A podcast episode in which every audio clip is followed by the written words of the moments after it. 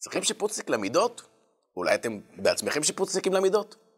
שיפוץ למידות? איזה מידות? באיזה גודל? חברים, שיפוץ למידות שלנו, לתכונות שלנו.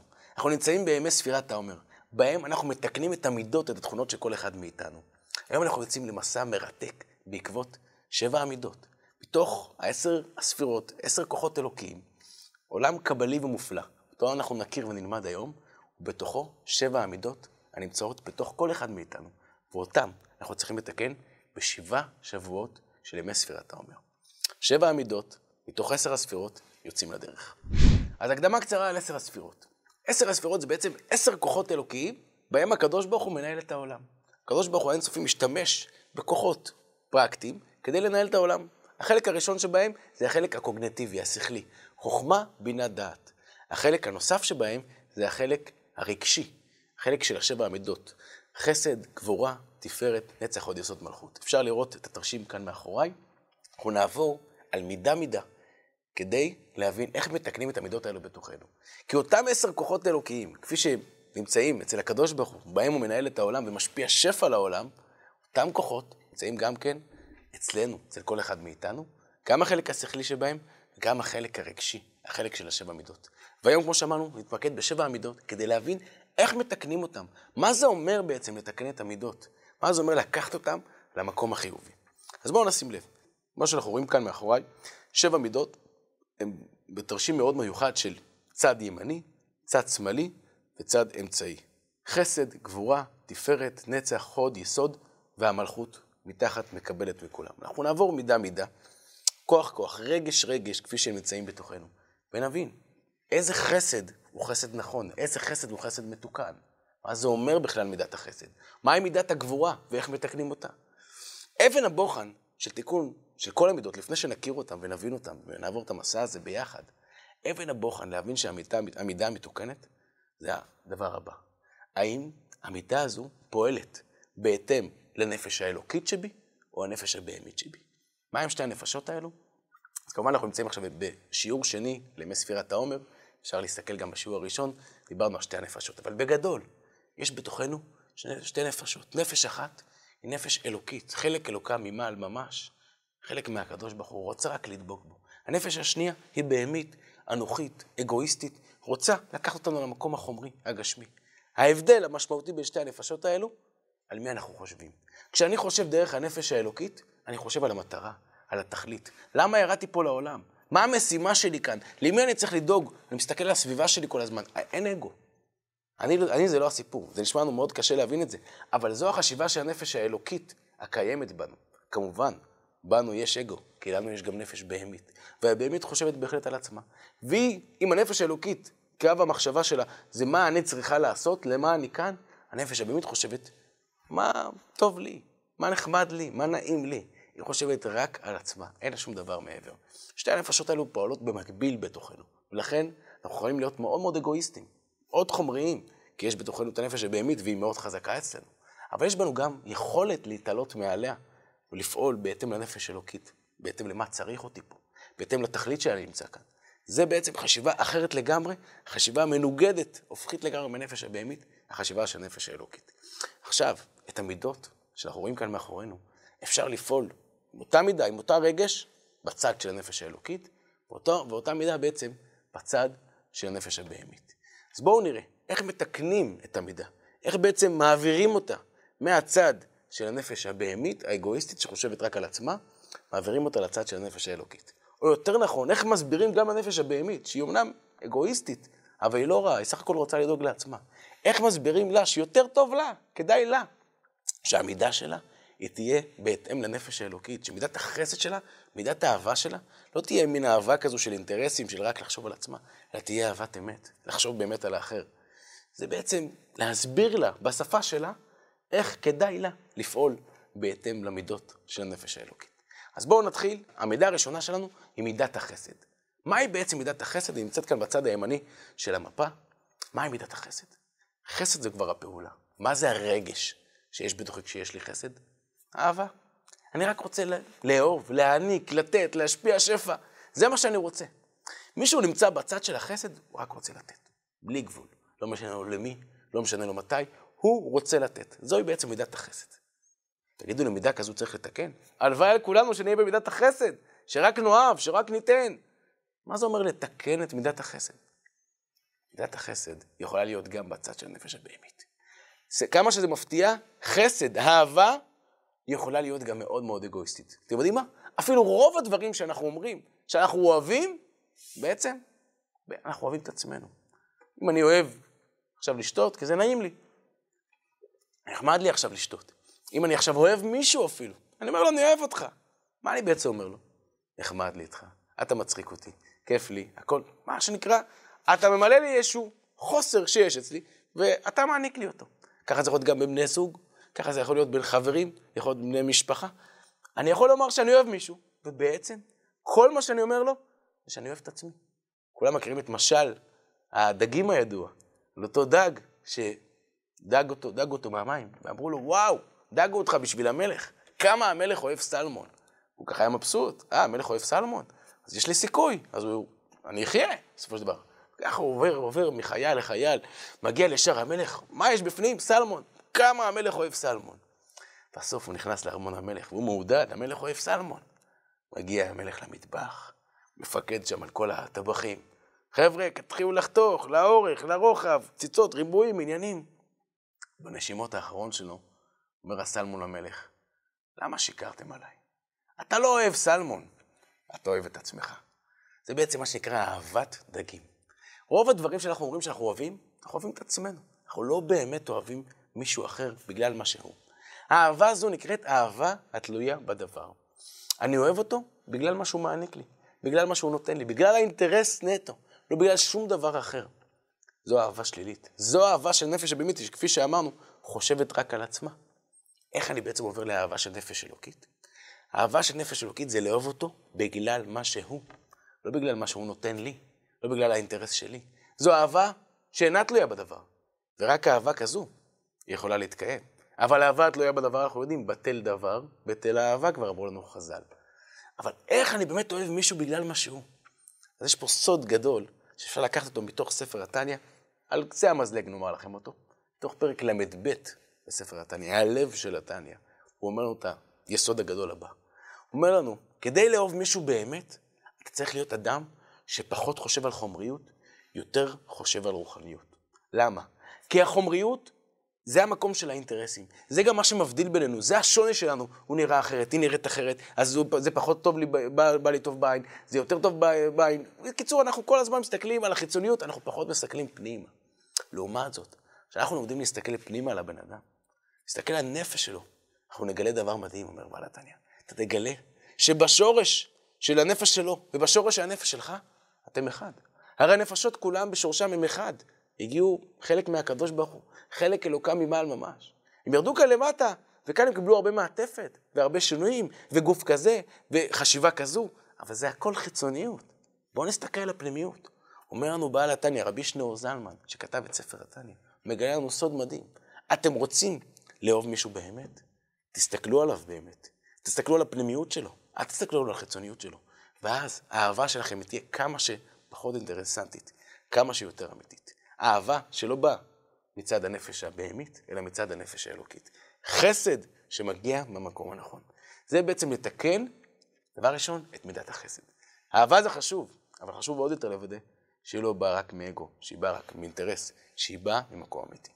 אז אחרי שגינינו את מידת האהבה ואיך לתקן אותה, ככה אנחנו נעשה גם בכל מידה, נכיר אותה ונבין איך מתקנים אותה, איך מעבירים אותה מהנפש הבהמית לנפש האלוקית. אז נעבור בבקשה למידת הגבורה. מה יש לנו בעצם מידת הגבורה? מהי מידת הגבורה? מידת הגבורה נמצאת בצד השמאלי של המפה, שבעצם מסמל את הצד ההפוך, את התנועה הנפשית. אם הצד הימני מבטא פתיחות, מבטא רק לתת, מבטא קבלה, מבטא... פה המצד, הצד של הגבורה מבטא התכווצות, מבטא התרכזות יותר בעצמי.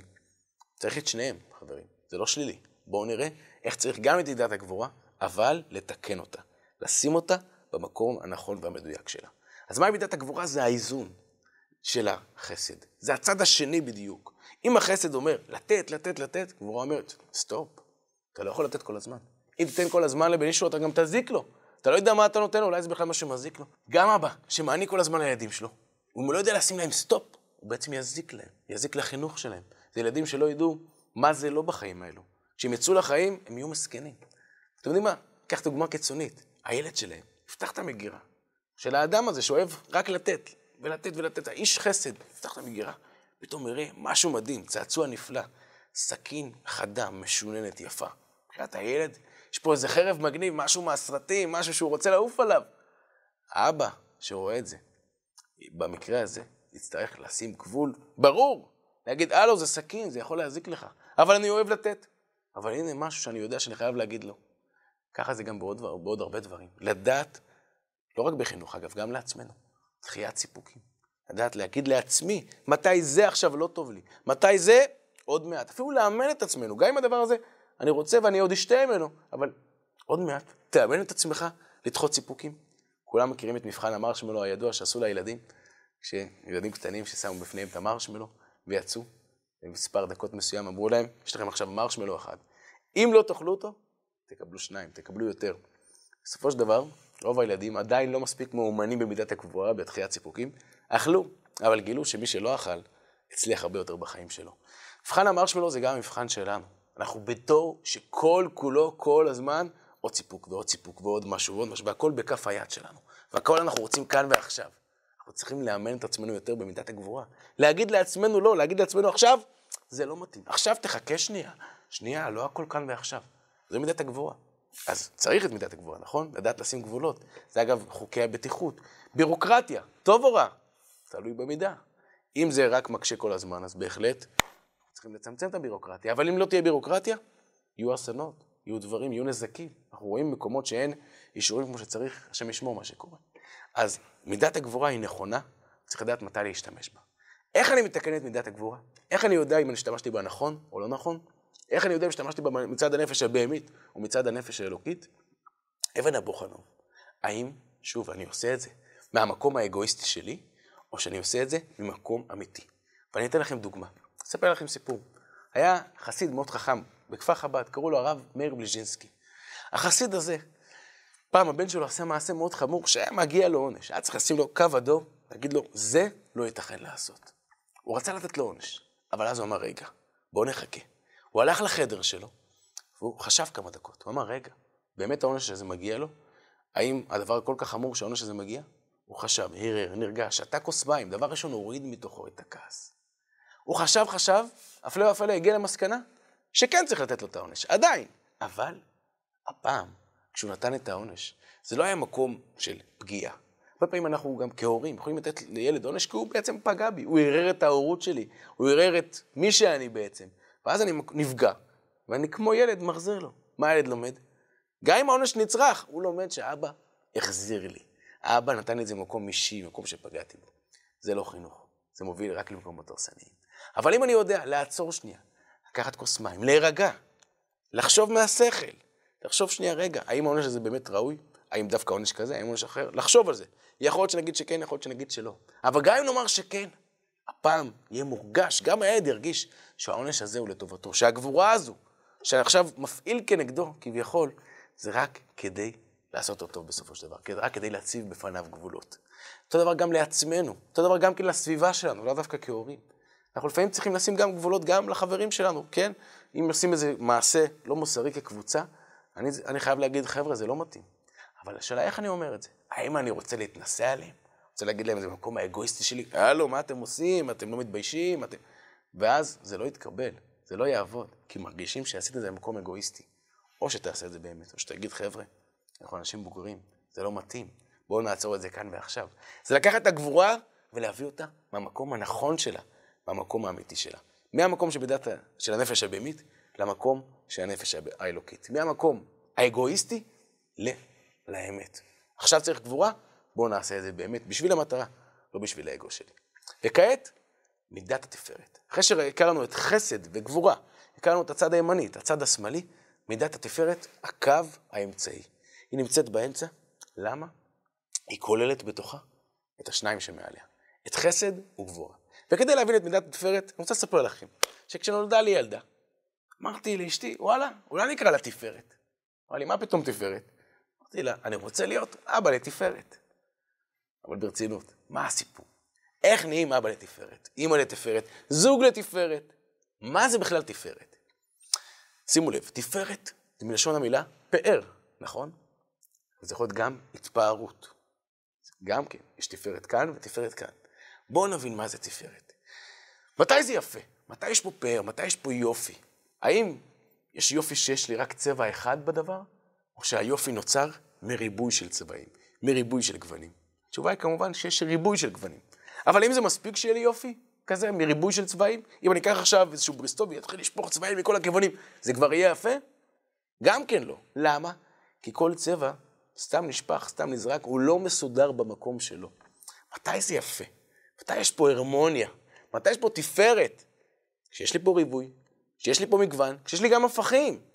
אבל אני יודע לשים כל צבע במקום המדויק לו. זו מידת התפארת. יכולים לראות את זה גם כן במוזיקה. יש לך להקה עם 100 נגנים. למה זה כל כך יפה? כי יש פה 100 נגנים, אלו על הכינור, על הצ'לו, על החצוצרה, על התופים. אבל כל אחד מהם יודע להיכנס ברגע המדויק לו. והם יודעים ביחד להשתלב בהרמוניה נפלאה. אז זה יפה. אז זה בעצם תפארת. והרעיון הוא לקחת את התפארת גם כן למקום הנכון. איך אני מתקן את מידת התפארת? יכול להיות לי כל מיני חיבורים. יכול להיות לי כל מיני מקומות בחיים. האם החיבורים האלו, צריכים לחשוב, זה סתם לשפוך צבעים על הבריסטול? האם זה חיבורים נכונים? האם זה אולי במקום תפארת זה התפארות, זה רק להראות, וואי, יש לי פה ריבוי, אבל שום דבר לא באמת מסודר אצלי?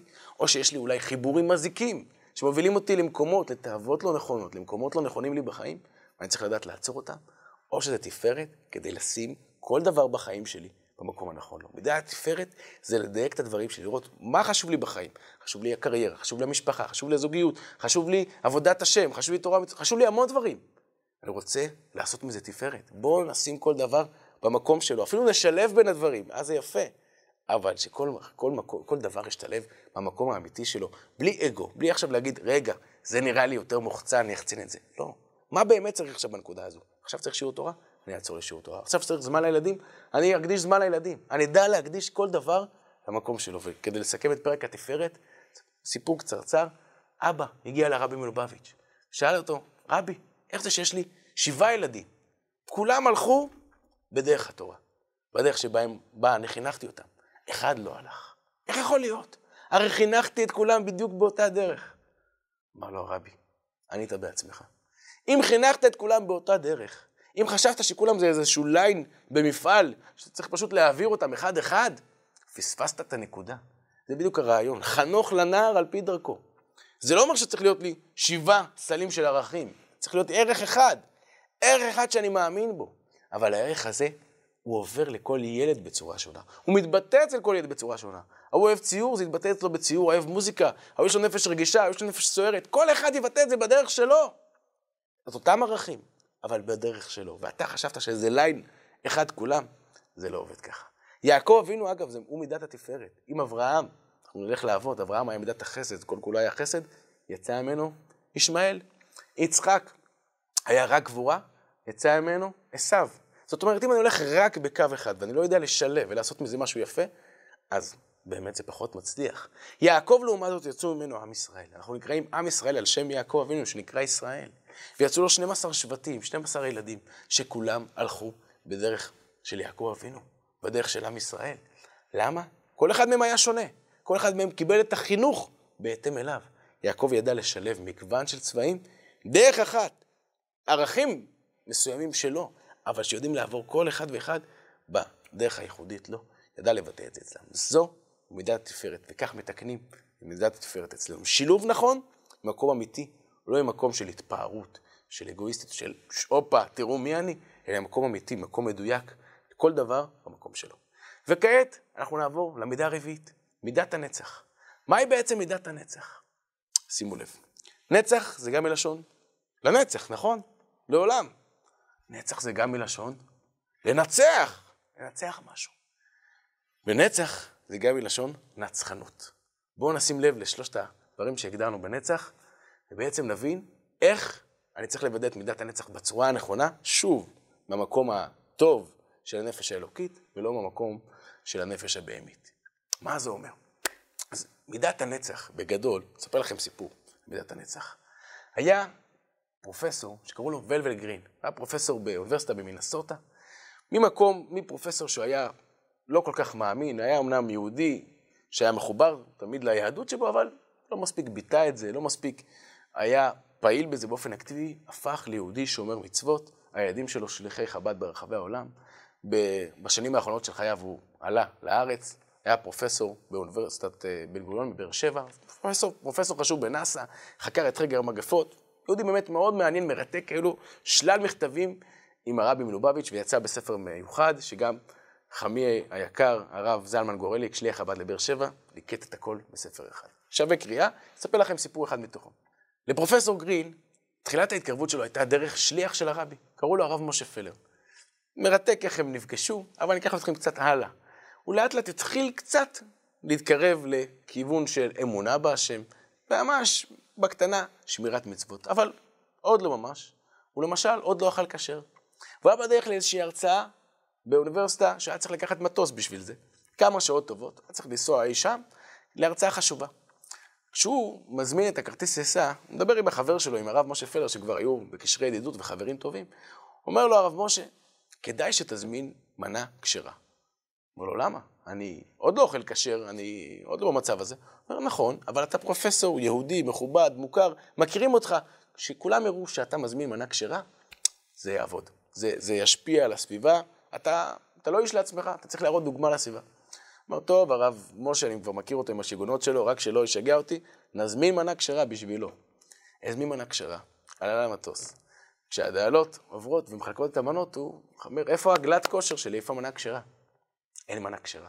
כל הדיילות מחפשות, לא נמצא ברשימות, מחפשות, מחפשות, מחפשים בכל המטוס. לא מוצאים מנה כשרה אחת בשבילו. בינתיים נהייתה, נהיה קצת איזושהי המולה, שמים לב שהפרופסור רוצה מנה כשרה ואין לו. מה הוא יעשה? עכשיו ייקח מנה לא כשרה? לא נעים, פדיחות. כולם ראו שהוא רוצה מנה כשרה, פתאום הוא מוותר ככה על הערכים שלו, על העקרונות שלו, לא מתאים. אז הפרופסור, פרופסור גרין, במשך כמה שעות, מורעב ועצבני. כל הדרך הוא חושב על הרב שלו, על החבר שלו, הרב משה פלר, שליח חב"ד, שליח של הרבי שנתן לו את הרעיון המשוגע הזה להזמין מנה כשרה במטוס, ועכשיו הוא רעב ובדרך להרצאה משתגע שעות ללא אוכל. הוא חושב לעצמו, רק אני יורד מהמטוס, אני הולך לתת בראש לרב משה, מספיק עם השיגעונות שלו. הוא, מת, הוא יורד מהמטוס, הולך, בזמנו לא היה לו פלאפון, הולך לטלפון הציבורי הקרוב, הוא מתקשר לרב משה פלר, והוא מתחיל ליפול עליו בצעקות, מה עשית לי? דפקת לי את הטיסה, דפקת לי את ההרצאה שעוד מעט תהיה לי, אני בגללך לא אכלתי כל הטיסה, לא רוצה להקשיב יותר לעצות שלך. כולו רותח ועצבני. הוא ממשיך וצועק על הרב משה ואומר לו, יש לך פה דוכן נקניקיות, ליד. נקניקיות, טרפות למהדרין, מה שנקרא. תדע לך שעכשיו אני הולך לקחת את הנקניקייה הראשונה שאני אראה שם, ולאכול אותה, בכיף, ולהקדיש אותה לך. ככה שהוא כולו עצבני. הרב משה מקשיב, והוא אומר לו משפט אחד. אומר לו, נכון, פרופסור גרין, הרבה פעמים שאלת אותי, מהי ליבת היהדות? מה היהדות? אתה יודע מה זה היהדות? היהדות זה שאתה רואה דוכן של נקניקיות, כשאתה רעב, כשאתה עצבני, כשכל כך בא לך עכשיו לאכול את זה, ואתה מתאפק, ואתה לא אוכל, ואתה מתגבר, ואתה מנצח. אתה מתעלה על כל מה שיש וגועש בתוכך, ואתה מנצח בגדול. זו הגדולה האמיתית. שומע את זה פרופסור גרין ואומר לרב פלר, הרב פלר, רבי פלר, אם עד עכשיו חשבתי שאתה משוגע, עכשיו אני בטוח. הוא טורק את הטלפון, כולו עצבני, בדרך לדוכן הנקניקיות. אבל אז, כשהוא עומד מול הדוכן, מידת הנצח שבו, המקום שהוא רוצה לנצח, לא נתן לו. עברתי את כל זה, וככה אני אהיה פראייר, ככה עכשיו אני אוכל את הנקניקיות האלו, אחרי כל מה שעברתי, אני לא מוכן. והוא ניצח בגדול, ומאז הוא התחיל לאכול כשר באופן קבוע. זה מידת הנצח. מידת הנצח זה הרצון לנצח. הרצון לא להיות פראיירים, הרצון להתגבר, הרצון לנצח דווקא כשיש קושי ממול, דווקא, דווקא כשזה לא קל, כשזה לא פשוט, שכולם אולי מסתכלים עליך ואומרים, אין לך סיכוי. אה, אין לי סיכוי? דווקא אני אנצח. זו המידה אולי, זה הרגש הכי חזק שיש באדם. הדבר הכי גדול שיש, לבוא, להתגבר על הכל ולנצח. זה מידת הנצח. וכשאני מנצח, כשאני הולך על דברים עד הסוף, אז אני יודע לעשות גם דברים לנצח. אני יודע להיות עיקש, אני יודע להתמיד. אני יודע שאם יש לי משהו טוב, אני לא אפסיק בו. דווקא אני אלך עליו. אני אמשיך עוד שבוע ועוד שבוע, אם זה שיעור תורה, אם זה חינוך הילדים, אם זה בזוגיות, אם זה בכל דבר. לקחתי משהו טוב, וזו הנהגה טובה. בתחומים הללו, אני אנצח, אני אנצח ואנצח ואנצח שוב ושוב. אני אתגבר על עצמי. ואני אתן, אני לא אתן שהדבר הזה יפסיק אפילו לרגע אחד. אני אקח את זה לנצח. זו מידת הנצח. אז מה זה? נצחנות. זה בדיוק נצח בצד השלילי, בצד של הנפש הבהמית. נצחנות זה אומר להיקלע לוויכוח, להראות את האגו שלי, איך אני מנצח את הצד השני רק כדי להשפיל אותו. זה בדיוק מידת הנצח שאנחנו לא צריכים להשתמש בה. להשפיל את השני, להראות, אני אנצח רק כדי להראות את האגו שלי, זה לא טוב.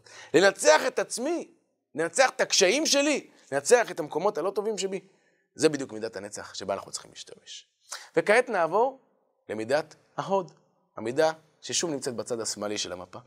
מה זה הוד? הוד זה להודות. הוד זה הודאה, זה הודיה. זה צד שיודע גם להרכין ראש. אם נצח הולך על משהו עד הסוף, שוב, בצד הימני, הפתוח, ש- שרוצה רק להתרחב, עוד, שנייה להרכין את הראש, ולדעת להגיד, וואי, נכון, צודק, אולי טעיתי, או להגיד, תודה רבה, אני מודה. אתה צודק, יש פה משהו גדול מעליי, יש פה משהו שאולי לא הבנתי אותו, אני מודה. עוד זה הודעה, עוד זה גם יופי, זה הוד, הוד והדר. אבל מה הכי יפה בנו? שאנחנו יודעים להודות. שאנחנו יודעים להתבטל לפני משהו שהוא מעלינו, לפני משהו שהוא גדול עלינו, לפני משהו שאולי טעינו בו, ועכשיו אנחנו מודים. או טובה שעשו לנו, ואנחנו יודעים להודות על הטובה הזו. וזו מידת ההוד. עוד זה בעצם התנועה של ענווה, של התבטלות בפני משהו שהוא גדול ממני. התבטלות בפני הקדוש ברוך הוא. זו בעצם מידת ההוד. וגם זה, גם המידה הזו יכולה להיות בצד הבהמי ובצד הרוחני. איך יכול להיות מידה כזו יפה בצד הבהמי, בצד האגואיסטי? פשוט מאוד. יש הודעה או ענווה שהיא ענווה של שקר, היא לא ענווה אמיתית. אני כאילו מתבטל, אני אומר מי אני ומה אני, אבל לא ממקום אמיתי. או כדי להתרברב, להגיד וואי איזה ענב גדול, פש, אני לא מחזיק מעצמי. זו הגאווה, לפעמים ענווה זו הגאווה הכי גדולה שיש. אני באמת רוצה להראות לכולם כמה אני ענב. מספרים על איזשהו כומר שהחזיק מעצמו ענב גדול. הענב הכי גדול ב... ביקום. הגיע אליו רב, אמר לו, יש לי שאלה אליך. אמר לו, מה השאלה? אמר לו, כתוב בתורה, והאיש משה ענב מכל האדם אשר על פני האדמה. ואני שואל את עצמי, איך יכול להיות שמשה ענב יותר מכל האדם אשר על פני האדמה? הרי אתה, הכומר, ענב יותר גדול. איך בואנה, הכומר, צודק, באמת שאלה אמיתית. אני ענב יותר ממשה רבנו. גם לי יש את השאלה הזו. אומר לו הרב, אם לך יש את השאלה, אז לי יש את התשובה. זה מה שנקרא ענווה של שקר. ענווה רק בשביל, וואו, איזה ענב גדול אני. זה לא, זה לא ענווה אמיתית, זו ענווה של שקר. ויש עוד סוג של ענווה של שקר, שלא בשביל להתרברב, אלא בשביל לברוח מאחריות. אני ענב, אני לא יכול. אתם מכירים את זה? מתי כולם נהיים ענבים? אנחנו יכולים להיות הכי בטוחים בעצמנו, הכי גדולים, אנחנו הכי, אנחנו נאמבר וואן. מתי אנחנו כלום, אנחנו שום דבר, מתי אנחנו אפסוסיים, גפשושיים, מתי? כשאנחנו פתאום צריכים לקחת אחריות. כשאנחנו צריכים לקחת אחריות, אוי, אני, אני באמת, אני לא מתאים לזה, אני לא ראוי לזה, אני לא יכול. הלו, צריך לעשות פה משהו טוב, צריך לעזור למישהו, צריך זה. זה גדול עליי, אני לא, לא בשביל זה. פתאום כולנו נהיים ענבים גדולים. אז חבר'ה, להפסיק להיות ענבים, להיות אמיתיים. לקחת את הדברים, צריך לקחת אחריות, אדרבה, ענווה אמיתית זה להגיד, אם הדבר הזה ניתן לי, הקדוש ברוך הוא נתן לי את הדבר הזה, אז מה, מי אני שיעשה בכלל שיקולים לקחת את זה או לא? בטח שאני אקח את זה. אני אקח את זה לא במקום של גאווה, שאני הכי גדול, במקום שאלוקים זימן לי את הדבר הזה, אז אני זה שצריך לקחת את זה עכשיו אחריות. אני אני זה שצריך לבצע את השליחות. זו ענווה אמיתית, שלא מקטינה את עצמי רק כשזה נוח לי, אלא באמת להודות ולהתבטל בפני הקדוש ברוך הוא ולעשות את הדברים באמת. זו מידת ההוד, וכך מתקנים אותה. עכשיו הגענו למידה השישית, מידת היסוד. היא שוב בקו האמצעי. מידת היסוד, מה היא בעצם אומרת? היסוד זה החיבור. היסוד זה הרי יסוד של כל הדבר. היסוד זה החיבור. אחרי שיש לנו את כל סל הרגשות, עכשיו צריך להתחבר, צריך להתקשר למשהו. כל המידות האלו, כל הרגשות האלו יכולות להיות מאוד מאוד באוויר ומנותקות מאנשים, מנותקות מהתכלס. תכף נגיע לתכלס, שזו מידת המלכות. אבל דבר ראשון, הקשר, מנותקות מקשר. אתם יודעים מה הדוגמה הכי טובה לזה בימינו? בעידן שכולנו כביכול בקשר. כולנו, אנחנו בעולם לכאורה הכי מתוקשר שהיה אי פעם, נכון? טלפונים, עניינים, אפשר לתקשר עם אדם אי שם בסין, אי שם בהודו, בכל מקום. אבל זה הרבה פעמים קשר קר, קשר מנוכר, קשר לא אמיתי. הזומים שהיו לנו עכשיו, כן? שנכנסו לחיינו. יכולים, יכולים להיות כולם, יש איזשהו מרצה, כולם בריבועים שחורים, רק חסר שהמרצה גם כן יעביר את עצמו לריבוע שחור, וכולם, פשש, אחלה הרצאה. יש הרצאה, החבר'ה, אני לא יודע אם שומעים, לא שומעים, אבל הכל ככה קר, מנוכר, זר, אין קשר. יש את הכל, יש את כל סל הרגשות כביכול, אבל הן קרות, הן מנוכרות, הן לא מקושרות בין אחד לשני, הן לא מקושרות בין האנשים. יסוד זה להתקשר, זה להתחבר, זה להתחבר בינינו, זה להתחיל לתקשר בין אחד לשני, בין אחת לשנייה, שאנחנו, יהיה בינינו תקשורת אמיתית, בבני זוג, שאנחנו נדע לתקשר בינינו, שנדע לדבר, שנדע לקבוע זמן בשבוע, זמן ביום, שהוא תקשורת בינינו, שאנחנו שמים את הפלאפונים בצד, ואנחנו עכשיו מדברים. זו מידת היסוד, זה תקשורת, זה ליצור קשר, וליצור קשר אמיתי. ליצור קשר בין אנשים, שרואים אחד את השנייה, שמרגישים אחד את השנייה, בני הזוג. זה הקשר האמיתי שאנחנו צריכים ליצור במידת היסוד. וגם פה, איך מתקנים אותה? יכול להיות מידת היסוד בצד של הנפש הבהמית, שזה בעצם קשר, למשל, מזיק, קשר הרסני, קשר נצלני. זה קשר, אבל זה קשר לא טוב. זה קשר שצריך לברוח ממנו, לקחת את הרגליים וללכת. או קשר לא מחייב. יכול להיות שיש פה קשר, אבל לא מתקדמים לכיוון של התחייבות. אם לא מתקדמים לכיוון של חתונה, של נישואים, שאני מחויב לדבר הזה, זה לא קשר אמיתי. זה יסוד בנפש הבהמית. יסוד של הנפש האלוקית זה אומר קשר טוב. קשר שמוביל אותי לדברים טובים. קשר שאני גם מוכן להתחייב בשבילו. שאני מוכן להקריב בשבילו. זה קשר אמיתי. זו מידת היסוד. וכעת, למידה האחרונה, חברים. המידה האחרונה בשבע המידות. המידה האחרונה שתהיה לנו כאן בשיעור, נבין איך לתקן אותה ונצא לדרך. מידת המלכות היא האחרונה, שימו לב, היא גם כן שונה מכל שאר המידות. כל שאר המידות הן ימין, שמאל, אמצע, והמלכות היא שוב בקו האמצע, אבל מקבלת מכולם. אחרי שהיסוד חיבר והביא לנו את הקשר בעצם של כל המידות, שיבוא לקשר ממש בין אנשים, שנסתכל, כמו שאמרנו, אחד לשנייה בעיניים, אז מידת המלכות היא הביצועיסטית. מידת המלכות מביאה את כל סל הרגשות שיש לנו לתכלס. מה אני עושה עם החסד? מה אני עושה עם האהבה שלי? מה אני עושה עם הרגש של היראה, של הגבורה? מה אני עושה עם כל הדברים? איך אני מוריד את זה לתכלס? איך זה לא נשאר רק רגש אצלי? יכול להיות אפילו רגש אמיתי, עם קשר של מידת היסוד. אבל בלי ביצוע. יש אנשים שיש להם רגשות מדהימים, אבל הם לא ביצועיסטים מספיק. פה צריך לעבוד על מידת המלכות שלנו. מידת המלכות נקראת כך, כי בעצם מבטאת מנהיגות. מנהיגות זה אומר לקחת אחריות ולעשות מעשה. לעשות מעשה. מלכות זה יכול להיות אולי איזושהי התרוממות או התנסות, זה יכול להישמע ככה, אבל השאלה היא מהי מנהיגות. אנחנו היום רואים משבר מנהיגות, אצלנו, בכל העולם. כל מיני מנהיגים שרק רוצים לשלוט, והערכים פחות חשובים להם. מה זה בעצם הרעיון של מנהיגות אמיתית? מה זה בעצם מנהיגות שהיא נכונה, מדויקת לנו, גם המנהיגות הציבורית וגם המנהיגות האישית שלנו? שהיא לא מנהיגות בשביל לשלוט, היא לא מנהיגות בשביל שאני אהיה במרכז. שוב, זה מלכות מהצד של הנפש הבהמית, שחושבת על עצמה. העיקר שאני שולט, מה אני משנה, מה אני עושה. זה מנהיגות לא נכונה. גם אצלנו אנחנו צריכים לקחת מנהיגות אמיתית, לקחת אחריות, כמו שאמרנו, כמו שדיברנו במידת ההוד. ענווה, אבל ענווה היא מלכות. ענווה שיודעת לקחת אחריות, שאומרת, רגע, מה זה מנהיגות? זה לא גאווה. אדרבה, מנהיגות זה לדעת לקום ולעשות מעשה. זה לפעול בשביל הזולת, זה לפעול בשביל האחר. אתם יודעים שרבן גמליאל, כשהוא מינה שניים מהתלמידים שלו, והוא רצה שהם יהיו רבנים גדולים ומנהיגים, אמרו לו, מה, אנחנו לא רואים לזה. הוא אמר להם, אתם לא מבינים. לא, אני לא נותן לכם פה מלכות, אני לא נותן לכם גדולה. לא גדולה נתתי לכם, עבדות נתתי לכם. נותן לכם פה עבדות, אתם צריכים להיות עבדים של הציבור עכשיו, כי אתם לוקחים פה אחריות מאוד מאוד גדולה, מאוד רצינית. אל תפסידו את האחריות הזו. אז מידת המלכות, זה אומר, כן, לקחת מנהיגות, אבל ממקום טוב, ממקום שאני לא עכשיו חושב, אני אהיה במרכז, אלא אני באמת רוצה לתת מעצמי אל הזולת. אז סיכום זריז על כל המידות, מידת החסד, אהבה, אבל אהבה שהיא לא מותנית, אהבה אמיתית. מידת הגבורה, לדעת לשים גבולות, אבל לא ממקום אגואיסטי, מקום שבאמת אני מרגיש שצריך לשים את הגבולות, זה המקום הנכון. מידת התפארת, חיבור של השניים ביחד, זה היופי. אבל שוב, חיבור נכון, חיבור ראוי. מידת הנצח, לדעת לנצח את עצמי, להתגבר על הקשיים שלי, לדעת להיות לנצח, להיות עקבי. לא להיכנס לנצחנות אישית, למקום של האגו שלי, אלא באמת להיות נצחי בהנהגה שלי.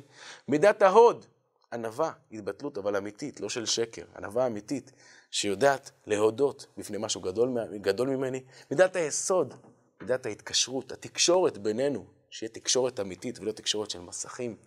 ומידת המלכות, לקחת אחריות, אבל אמיתית, לא בשביל האגו שלי, להיות מנהיג בשביל הציבור.